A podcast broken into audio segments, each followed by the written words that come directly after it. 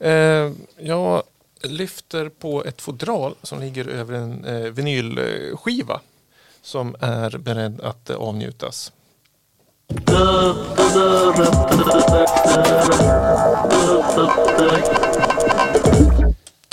Segmentax Slim smala skiva bjuder på en skiva som har gått sönder lite på vägen till eh, dagens poddinspelning. Vi hoppas att den ska gå avnjutas ändå.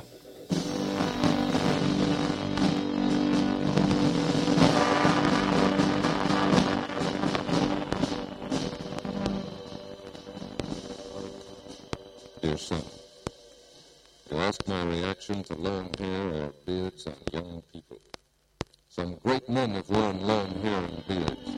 George Washington and Abraham Lincoln.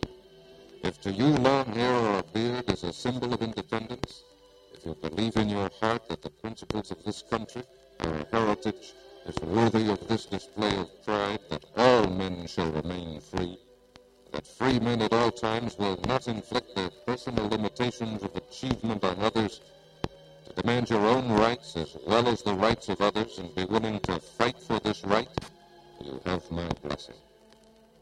You ask that I not judge you merely as a teenager, to judge you on your own personal habits, abilities, and goals. This is a fair request, and I promise I will not judge any person only as a teenager. If you will constantly remind yourself that some of my generation judges people by their race, their belief, or the color of their skin, and that this is no more right than saying all teenagers... Ja, för andra programmet i rad så kommer jag dragandes med någonting som känns ganska Amerika-heroiskt. sådär. Lite lätt. Man hör ju stråkarna i bakgrunden. Ja.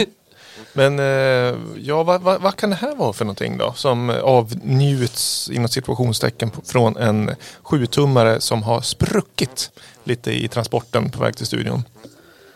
Men det låter ju som ett tal till den yngre generationen från någon från den äldre generationen.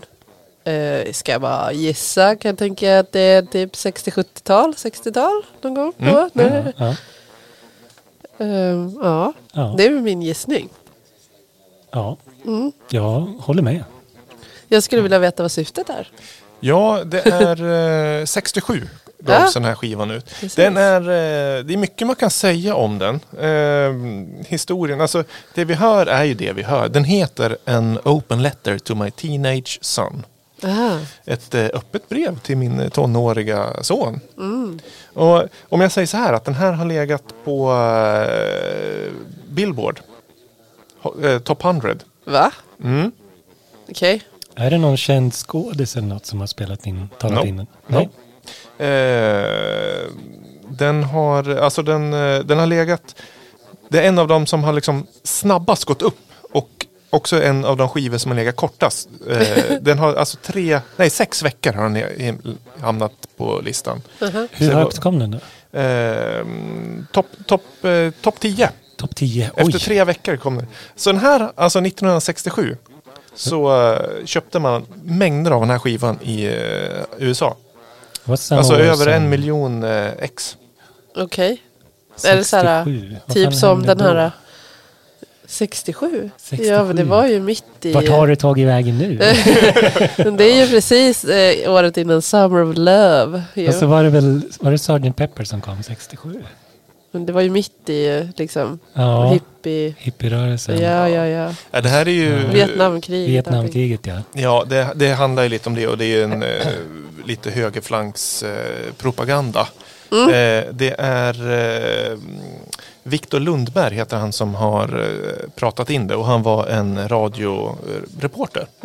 Och sen så är det eh, talet och har skrivits av en som heter Ro- Robert R. Thompson och producerat av en Jack Tracy. Eh, och i bakgrunden så har vi Battle Hymn of the Republic.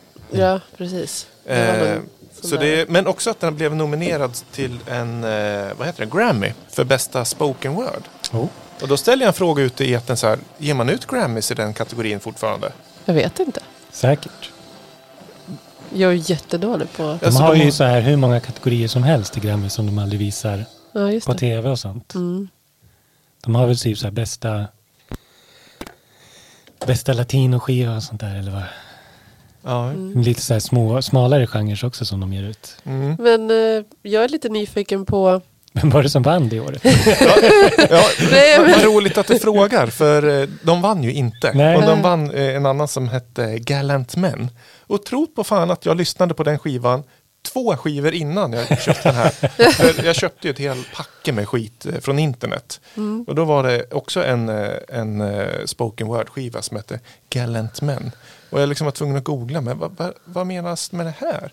Och det är ju också ett tal som handlar om att man ska bete sig som en galant man. Mm. Ah, Okej. Så jag har lyssnat på den. Men- Så då, tack för frågan. Alla de här människorna som köpte den här vinylen, de gjorde det liksom för att spela upp den för sina tonåringar.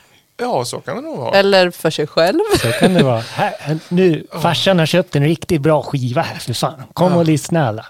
Ja, nej, men jag tror det handlar nog mycket om Vietnam också. Där, liksom, Ja. att man skulle liksom, Ja. Jag tror, om man lyssnar på slutet, att den liksom, andemeningen är att eh, du får se ut och bete dig hur du vill. Bara du åker och krigar i Vietnam Ah, ungefär. okej. mm.